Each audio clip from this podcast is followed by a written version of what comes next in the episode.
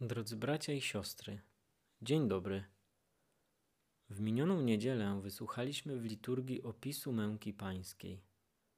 Kończy się on następującymi słowami: Opieczętowali kamień. Wydaje się, że wszystko jest skończone.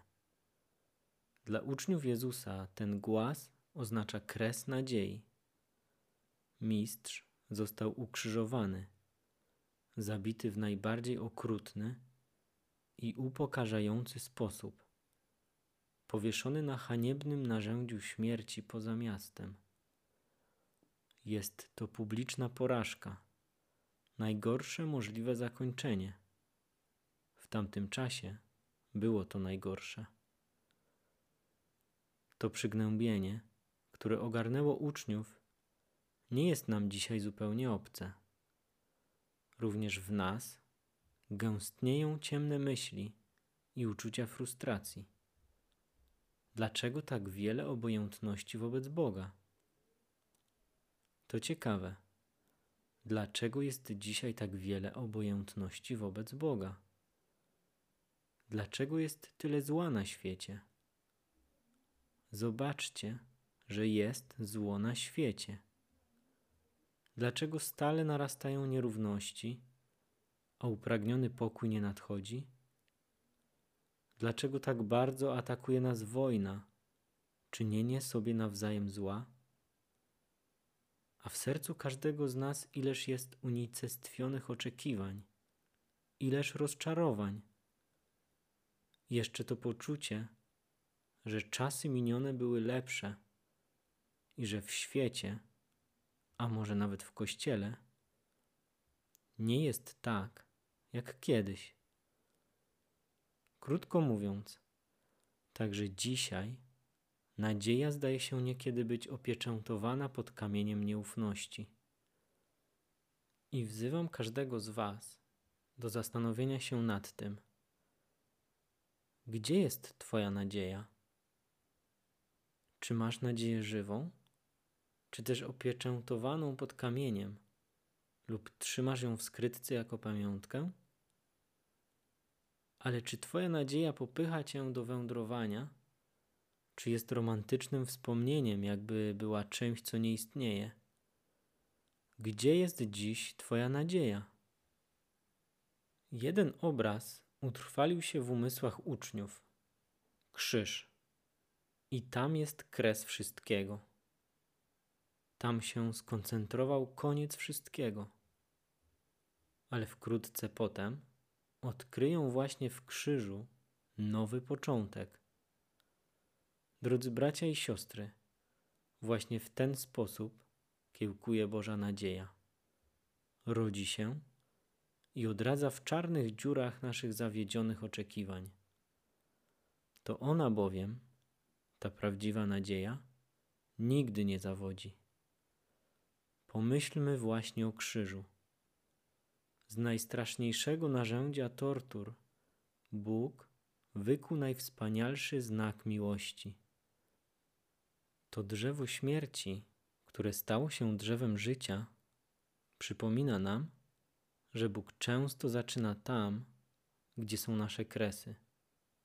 W ten sposób lubi czynić cuda.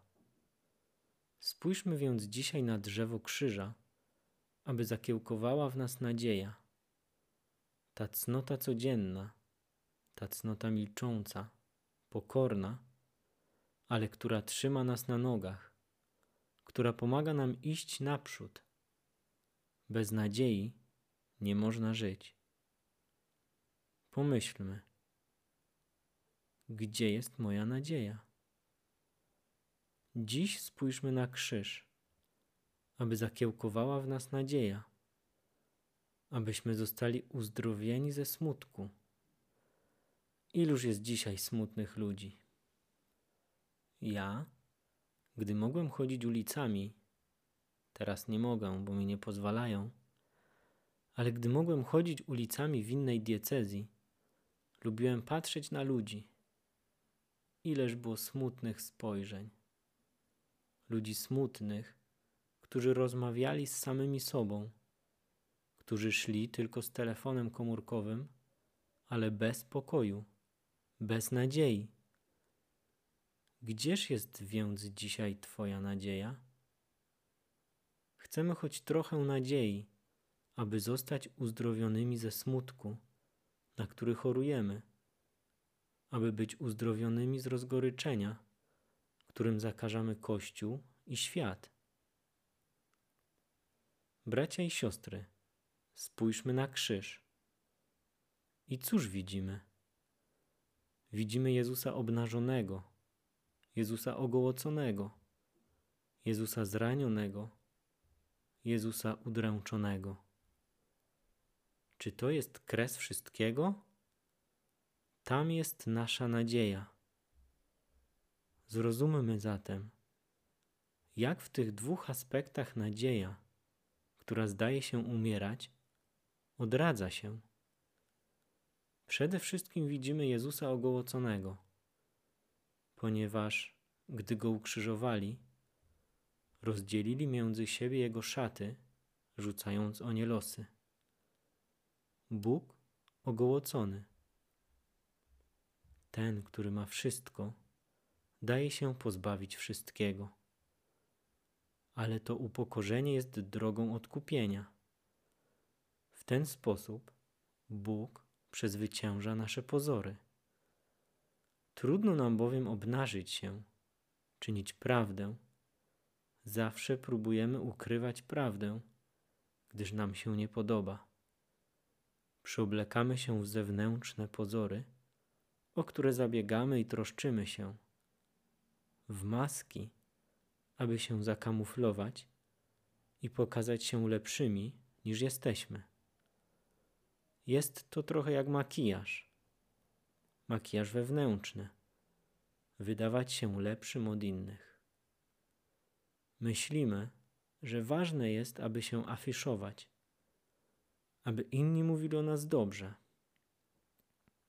I przyozdabiamy się pozorami, rzeczami powierzchownymi, ale w ten sposób nie znajdujemy pokoju. Później ten makijaż znika a ty widzisz w lustrze twarz brzydką, którą masz, ale prawdziwą. Taką, którą Bóg kocha, nie tę z makijażem. A Jezus ogołocony ze wszystkiego przypomina nam, że nadzieja odradza się przez czynienie prawdy o nas samych, mówienie prawdy o sobie samym przez odrzucenie dwulicowości, przez uwolnienie się od pokojowego współistnienia z naszym zakłamaniem. Nieraz jesteśmy bardzo przyzwyczajeni do mówienia o sobie kłamstw, jakby były one prawdą, i kończymy zatruci tymi naszymi kłamstwami. A potrzeba tego. Powrotu do serca, do tego, co istotne. Do prostego życia, pozbawionego jakże wielu rzeczy bezużytecznych, które są namiastkami nadziei. Dzisiaj, kiedy wszystko jest skomplikowane i grozi nam zagubienie się, potrzebujemy prostoty, odkrycia na nowo wartości wstrzemięźliwości, wyrzeczenia, oczyszczenia się z tego, co zatruwa serce i czyni nas smutnymi. Każdy z nas może pomyśleć o czymś niepotrzebnym, czego może się pozbyć, aby odnaleźć siebie. Pomyśl, ile jest tych niepotrzebnych rzeczy. Tutaj, piętnaście dni temu w domu świętej Marty, w którym mieszkam i który jest domem dla wielu ludzi, rozległ się głos, że w tym wielkim tygodniu byłoby dobrze zajrzeć do szafy i wyciągnąć, wyrzucić rzeczy, które mamy, ale których nie używamy. Nie wyobrażacie sobie, jak dużo jest takich rzeczy. Pięknie jest pozbyć się rzeczy bezużytecznych i zanieść to biednym, potrzebującym. Również my mamy wiele rzeczy bezużytecznych w sercu, a także poza nim. Zajrzyjcie do swojej szafy i zobaczycie to. To jest potrzebne, to bezużyteczne. I oczyśćcie. Zajrzyjcie do szafy duszy. Ileż jest tam rzeczy niepotrzebnych, ile dziwnych złudzeń. Wróćmy do prostoty, do spraw prawdziwych, które nie potrzebują upiększania. Oto dobre ćwiczenie. Spójrzmy jeszcze raz na krzyż, a zobaczymy zranionego Jezusa. Na krzyżu widać gwoździe przebijające jego ręce i stopy, jego otwarty bok. Ale do ran ciała dochodzą jeszcze rany duszy. Ileż udręki. Jezus jest sam, zdradzony, wydany, zaparli się go najbliżsi, jego przyjaciele, nawet jego uczniowie, skazany przez władzę religijną i świecką, wyklęty, doświadcza nawet opuszczenia przez Boga. Na krzyżu pojawia się też powód potępienia. To jest Jezus, król żydowski. To kpina. On, który uciekł, gdy próbowano go uczynić królem, zostaje potępiony za to, że sam siebie uczynił królem. Chociaż nie popełnił żadnego przestępstwa, zostaje postawiony między dwoma złoczyńcami, a ludzie wolą od niego człowieka posługującego się przemocą, Barabasza. Tak więc Jezus jest zraniony na ciele i duszy. Zapytam, w jaki sposób pomaga to naszej nadziei? Ten Jezus, nagi, pozbawiony wszystkiego, całkowicie wszystkiego dla mojej nadziei, jak mi pomaga? My także jesteśmy zranieni. Któż nie jest? I to wielokrotnie z powodu ran ukrytych, które skrywamy ze wstydu.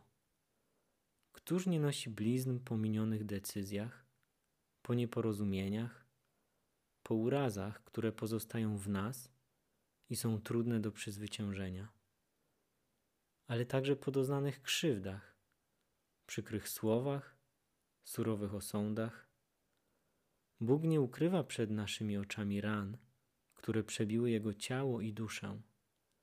Ukazuje je, aby nam pokazać, że w Wielkanoc można otworzyć nowe przejście, uczynić ze swoich ran przestrzenie światła.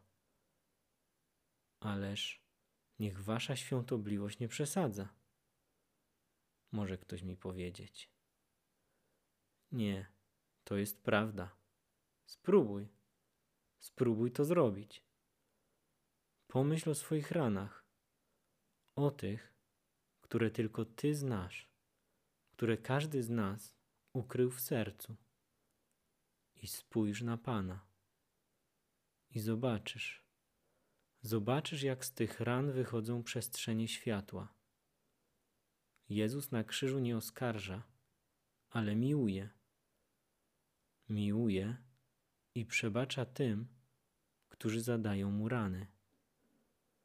W ten sposób zamienia zło w dobro. W ten sposób przemienia i przeobraża ból w miłość. Bracia i siostry, chodzi więc nie o to, żeby być niewiele lub bardzo zranionymi przez życie, ale co mam czynić ze swoimi ranami? Tymi malutkimi, dużymi, tymi, które na zawsze pozostawią znak w moim ciele i w mojej duszy. Co robią ze swymi ranami? Co robisz ty i ty ze swymi ranami? Nie, ojcze, ja nie mam tych ran. Uważaj, pomyśl dwa razy, zanim to powiesz. I pytam cię, a ty co robisz ze swymi ranami? Tymi, które tylko ty znasz? Czy możesz pozwolić, aby zaraziły cię one gniewem i smutkiem? Albo czy mogę je połączyć z ranami Jezusa, tak aby także moje rany stały się świetliste? Pomyśl, jak wielu młodych ludzi nie toleruje własnych ran i szukają w samobójstwie drogi zbawienia. Dziś w naszych miastach jakże wielu młodych nie widzi drogi wyjścia, nie mają nadziei i wolą iść inną drogą narkotyków, zapomnienia, biedacy. Pomyślcie o nich. A ty? Jaki jest twój narkotyk, aby ukryć rany?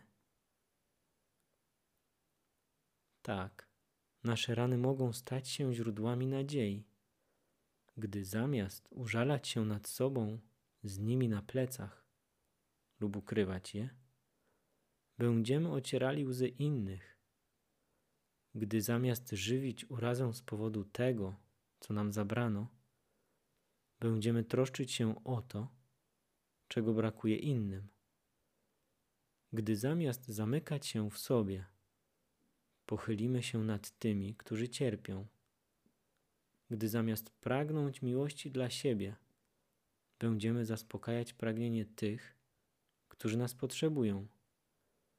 Dopiero bowiem wtedy, gdy przestajemy myśleć o sobie, odnajdujemy na nowo siebie.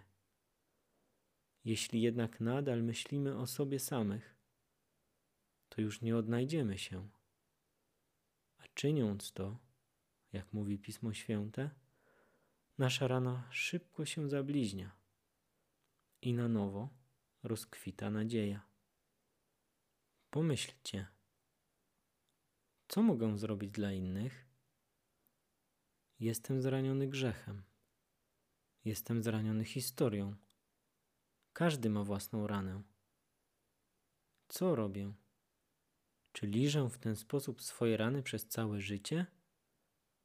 Czy widzę rany innych i idę ze zranionym doświadczeniem swojego życia, aby uzdrawiać, pomagać innym?